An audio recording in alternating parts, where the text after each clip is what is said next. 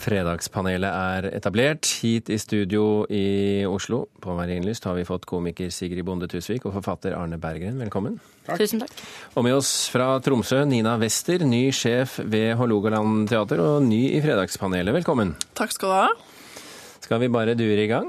Ja, ja, ja. Du ja. må bare gønne på. Jeg gønner på. Gønne er egentlig et veldig uvanlig ja, det var, ord i kulturnytt. Jeg merket at det var ikke PT. Nei, P2. Nei, det var, det var men jeg syns vi skal utvikle det litt, så vi bare fortsetter. Svenske samer raser og norske samer rister på hodet, for på markeringen av samefolkets dag i Gøteborg 6.2 skal en ikke-same stå for joikingen.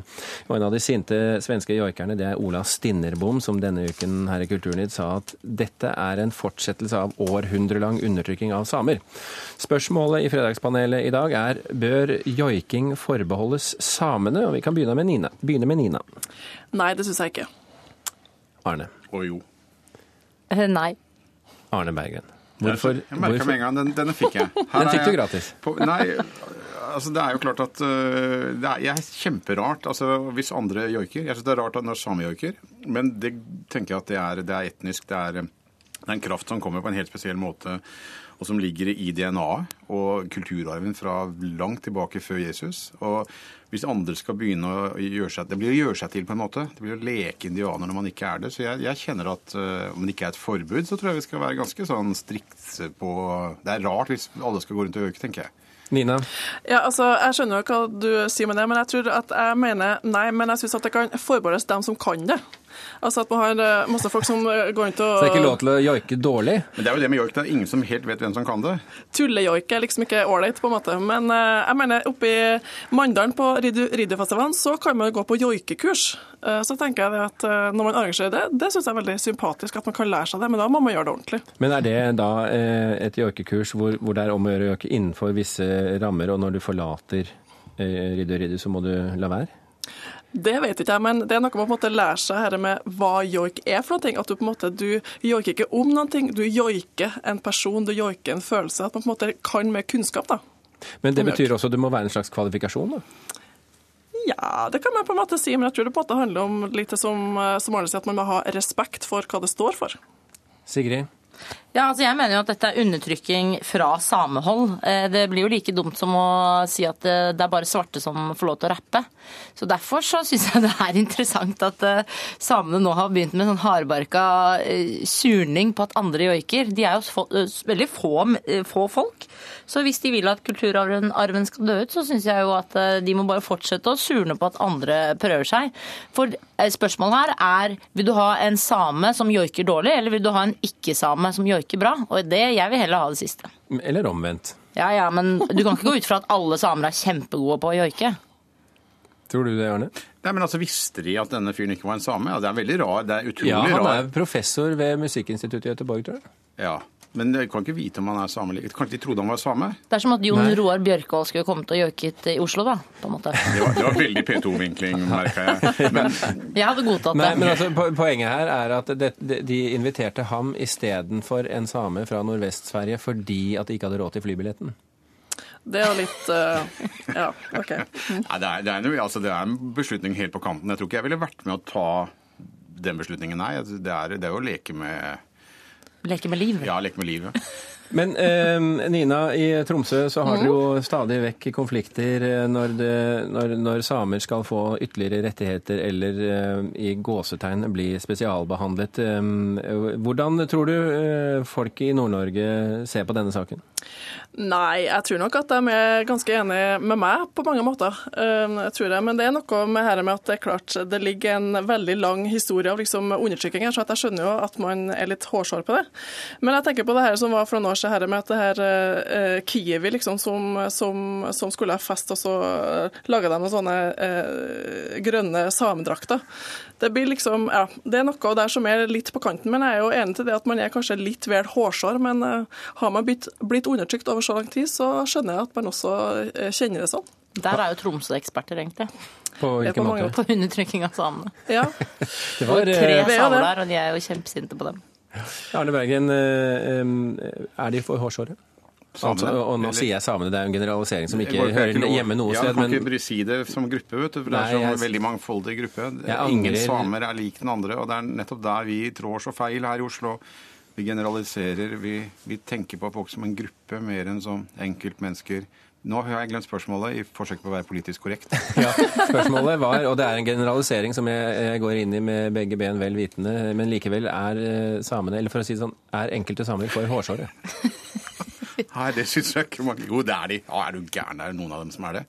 Sånn alle oss andre? Ja, jeg la merke til at dette spørsmålet ble egentlig veldig dårlig til slutt. Ja. Så vi Du ble redd for å formulere det så du kunne Ja. støte noen. Det er det som er greia. Jeg ble det. Ja. Jeg hopper videre til spørsmål nummer to i dag. Siden 2007 har ti norske byer fått litteraturhus. I forskjellig form og størrelse. Oslo, Odda, Moss og Skien, for å nevne noen. De har planer i Trondheim og Stavanger også. Og i dag, tidligere i sendingen, hørte vi jo åpningen i Fredrikstad. Og så neste uke er det Bergen. Samtidig legges stadig bibliotekfilialer ned. Så spørsmålet mitt er i dag, og vi kan begynne i nord her også. Med så mange fine litteraturhus, trenger vi egentlig bibliotekene? Ja, selvfølgelig. Det gjør vi alltid. Arne, Nei. Jo. nå vil jeg begynne med Sigrid. Hvorfor trenger vi bibliotekene? Ja, så Jeg vokste opp eh, på bibliotek, og så har jeg hatt en smooth overgang eh, selvfølgelig da nå i voksen alder til eh, litteraturhus. Så jeg føler at litteraturhus det er for lærerne og kvinner med papegøyeøredobb og rødvin, Ari Behn, Ashak Sira Myhre. Eh, I Oslo så, så kom vel litteraturhuset egentlig bare eh, inn som en sånn slags erstatter fordi det var fullt på Lorry. Da Er det, er det de bare- den såkalte kultureliten du snakker om nå? Ja, det er det.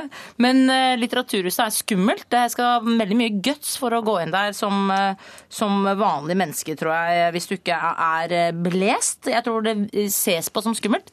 I motsetning til bibliotek, som er for den gemene hop, som jeg syns er et veldig sånn fint, uh, fint tiltak. Det er for eh, ikke, det, er, det er ikke folkelig sånn granka for folkelig, det er ikke det jeg prøver å si, men det er for mannen som ikke går med skinnveske, han går med pose. Og det, det syns jeg er vakkert. Og det, jeg tror ikke det er noen konkurranse mellom litteraturhus og bibliotek på den måten. Arne Bergen? Nei, altså Jeg bare ser på meg selv eh, som vanlig. Jeg mener jeg, Nå etter at eh, vi har fått litteraturhus overalt, og du kan bare stoppe og stikke inn og ta en cappuccino eller noe rosévin og et eh, laksesmørbrød, så gjør jeg ikke det på biblioteket lenger. Jeg går ikke på biblioteket nå for å drikke eller spise laksesmørbrød. Nei, men hvis du var interessert i litteratur? Ja, Det er det jo ingen som er noen av disse stedene. Det handler jo ikke om litteratur. Jeg har ikke sett en bok jeg på Litteraturhuset. Altså, Jeg sitter i kafeen der ofte, og så er det en Da er ofte bokhandel. bokhandelen stengt. Ja, Det er stengt når jeg er der. Nei, men altså, jeg er veldig fan av biblioteket. Jeg, mener, jeg bare prøver å tøffe meg litt. Men, men eh, jeg syns det er et paradoks, det som skjer naturligvis. Og Det er vel det som ligger i spørsmålsstillingen her. At, Det er alvor bak Det er alvor bak det. Nei, jeg syns det er trist at eh, eh, man starter litteraturhus på hvert nes nå, samtidig som man behandler bibliotekene dårlig. Jeg synes også bibliotekene har vært eh, defensive, ikke sett dette komme, og må finne ut hva de egentlig driver med. Men eh, jeg er veldig glad i biblioteket. Nina? Ja, jeg er enig med, med, med siste taler i det at liksom, bibliotekene kanskje må komme litt eh, på å finne andre konsepter, men det er klart vi behøver biblioteket. Det er jo et sted for fordypning og kunnskap og for å lytte innover. Jeg mener På litteraturhusene så går man jo ofte også for å bli sett. Mye også, da, spesielt i Oslo, kanskje. Eh, sånn at jeg tenker at det Er er det, kanskje er mer det spesielt for det, i Oslo? At Ja, det er jo det verste Det mest klysete litteraturhuset er vel i Oslo. Men jeg vil bare si at eh, jeg tror at det løfter bibliotekene. For det første må vi ikke glemme at eh, biblioteker finnes overalt. Det finnes jo ikke litteraturhus. Nå snakker Nei. vi som om det popper opp. Det gjør det jo egentlig ikke. I Tromsø også, faktisk. Og jeg tror at det blir kjempesamarbeid. Bibliotekene må på en måte skjerpe seg litt. ikke sant? De kan samarbeide. Det er et arrangement på Litteraturhuset i Fredrikstad, og vips så har eh, biblioteket også eh, masse fine forfattere som de kan samarbeide og ha, ha også arrangementer med. Nina, du sa i Tromsø også? Ja, det er jo bevilga nå at det skal være et litteraturhus her også. Og her er jo ikke minst et veldig fantastisk stort bibliotek. Så jeg tror nok det at det kommer til å bli masse fine samarbeid derimellom. Men det er klart, litt, altså et litteraturhus ville aldri kunne erstatte biblioteket. Men, men i Tromsø så har dere jo kanskje landets fineste bibliotek. I Ja, hvert fall det- enn så lenge. Ja. Um, hvordan skal Litteraturhuset der oppe klare å, å, konkurrere med det? Men må de konkurrere, da? Jeg tenker at De skal ikke konkurrere, de skal på en måte utfylle hverandre. Så jeg tenker at eh, Litteraturhuset skal på en måte være et sted der man nødvendigvis låner bøker. Men det er jo liksom mye mer bibliotekets oppgave å liksom gjøre det. Men, men, er du enig i at, eh, at det er en, en, Hva skal vi si At plebeierne går til biblioteket, og så går fiffen til Litteraturhuset? Ja, jeg tror ikke at det kommer til å bli sånn, sånn i Tromsø, eller i hvert fall så håper jeg ikke det. Men uh, absolutt er det kanskje sånn, uh, sånn det blir, at det, det handler om, om, om, å bli sett mye mer på det litteraturhuset, at det er liksom fans som måtte gå dit. Pluss at det aldri har vært slåsskamp på noe bibliotek, mens uh, mens Simen Sætre og, og Aslak Nora hadde en fantastisk fin litterær et slagsmål på Litteraturhuset. Det syns jeg er viktig. Og da trenger du alkoholen. Så det, ja, Begynn å for all del ikke å servere alkohol på biblioteket, kanskje? Nei, helst ikke, altså. Ok, det, Vi endte opp eh, skjønt enige her, og det er en fordel, syns jeg, i dette spørsmålet. Vi går til eh, spørsmål eh, nummer tre, som også for øvrig forholder seg litt til litteraturen. Fiskeoppdrettere reagerer nemlig på at unger lærer å synes synd på oppdrettslaksen. I en barnebok som forteller om villaksen Salomon, forteller forfatteren også om oppdrettsfiskens liv i fangenskap. Og Salomon synes det er veldig synd på oppdrettslaksen, spesielt når den blir plaget av lakselusa. Og det, dette liker ikke oppdrettsbransjen at fortelles i en barnebok, så spørsmålet her er har lakseoppdrettsbransjen noe å frykte fra norske barnebokforfattere, Sigrid? Nei. Nina? Ja, det syns jeg. Jo, ja. Jeg er barnebokforfatter selv, og dette her kan jeg, ja, her er det mye å frykte. Kom igjen, fortell hvorfor. Nei, fordi, fordi, at historien har en voldsomt sterk kraft. Vi kan manipulere med følelsene til barna. Og vi kan ta, sette og ta ut, som det heter den bransjen vi vil. Pelsdyr, pelsdyrnæring, hva som helst. Jeg mener selv er jeg dritt lei av rosenkål. Det er det verste jeg vet. Ble truet til å spise det da jeg var liten. Det koster bare en liten barnebok, en lettlest fra meg, flytebok. Så tar jeg den bransjen ved å dramatisere og gi rosenkålen liv, sånn som det har gjort med lakselusa her. Eh, eh, jeg kunne kalle det Rose Rosenkål, f.eks. Uh, og, og, og, og, barna får sympati, og det er ikke mulig. Det blir som å, blir som å selge katter til mat uh, når jeg er ferdig med min lettlesbok. Var det det du tenkte på da du også sa ja, Nina? Jeg syns det er på en måte en drømmesituasjon hvis på en måte forfattere kunne vært en trussel imot uh, oppdrettsnæringa. Sånn at jeg håper jo det, på en måte, at man skal ha så mye manipulativ kraft at man kan faktisk liksom gå inn og endre ting på den måten gjennom å opplyse barn. Absolutt. Sigrid? Det er det som er problemet. F.eks.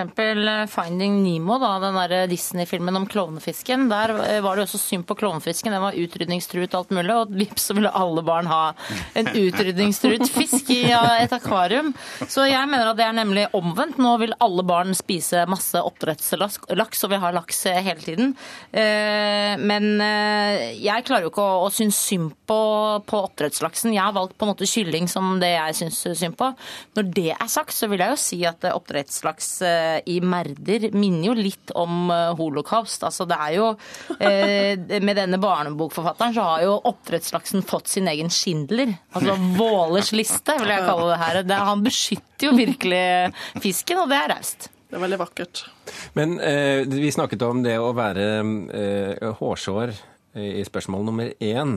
Eh, lakseoppdrettsnæringen som her altså går til, eh, går til kamp mot én barnebokforfatter. Kan vi kalle dem hårsåre også? Ja, nå tjener de ganske mye penger, da, denne oppdrettsnæringa, så jeg vet ikke om jeg syns det var synd i dem, for helt ærlig. Man må huske på at 21.12. Eh, i fjor så døde det 250 000 eh, oppdrettslaks eh, av at havet ble fullt av sild, og da ble den kvalt. Så det var ikke så veldig fjern sammenligning jeg hadde i sted med holocaust. Men dette er jo neppe eh, motivert på samme vis for, fra sildens side? Sier ikke det. Jeg tror vel lakselusa til syvende og sist har mest, og det er ingen som husker den. Der, der er det mest å frykte. Men eh, tilbake til dette spørsmålet mitt om, eh, om den hårsåre laksebransjen. Eh, hvis vi, vi, prøver å se litt alvorlig på den, bare for en gangs skyld. Eh, kan, det, kan, dette være en, en, god måte for dem å, å agere i markedet hvis de skal passe på sitt omdømme? Arne Bergen. Hva, hva mener du da? Lager, uklart spørsmål. At, lager, mener du da at de skal lage sin motbok? Eh, altså salmalaksen tar hevn? At de bør begynne å skrive bøker selv? Oppdrettslaksen får sin helt? ja, altså, ja. Finding oppdretts- oppdrettslaks, det vil Sigrid er inne på her. Jeg mener jo i hvert fall at eh, man burde ta en og en, eh, en, og en art. Så jeg syns jo kyllingen har slitt lenger, lenge før oppdrettslaksen, da. Hva er problemet til kyllingen? Kyllingen sitter jo i bur og har det jo ikke noe bra. Jeg syns mer synd på kylling enn sølvrev, for å si det rett Så hvem skulle være helten i en kyllinghistorie? Ja, det må jo være en som bryter ut. Fri kylle kylling. Kylle, kylli. Nina, eh, syns du det er en god idé å, å, å, at barnebokforfattere nå generelt går eh, hen og blir politiske? Jeg synes jo, jeg liker jo veldig godt at eh, forfattere er politiske generelt, så ja, give it to me, sier jeg bare. Jeg syns jo det er finere og vakrere med muldvarper som går med drit oppå hodet, og at barn elsker den boka mer enn en sånn politisk korrekt eh, oppdrettslaksbok. En pedagogisk bok er eh, ikke å forakte, det. Jeg vet ikke. Arne Bergen, skal vi si at vi har rundet av eh, ukens eh, fredagspanel? Syns det har gått greit. Du har syntes det har gått greit? Ja. Er du fornøyd med debuten, Nina Wester? Ja, jeg føler meg veldig beæra over å bli invitert. Tror du du blir invitert igjen? Ja, det Lovisa. Sigrid Bonde Tusvik, Arne Berggren og Nina Wester, tusen hjertelig takk for at dere kunne være med i Kulturnytt nå i ettermiddag denne fredagen.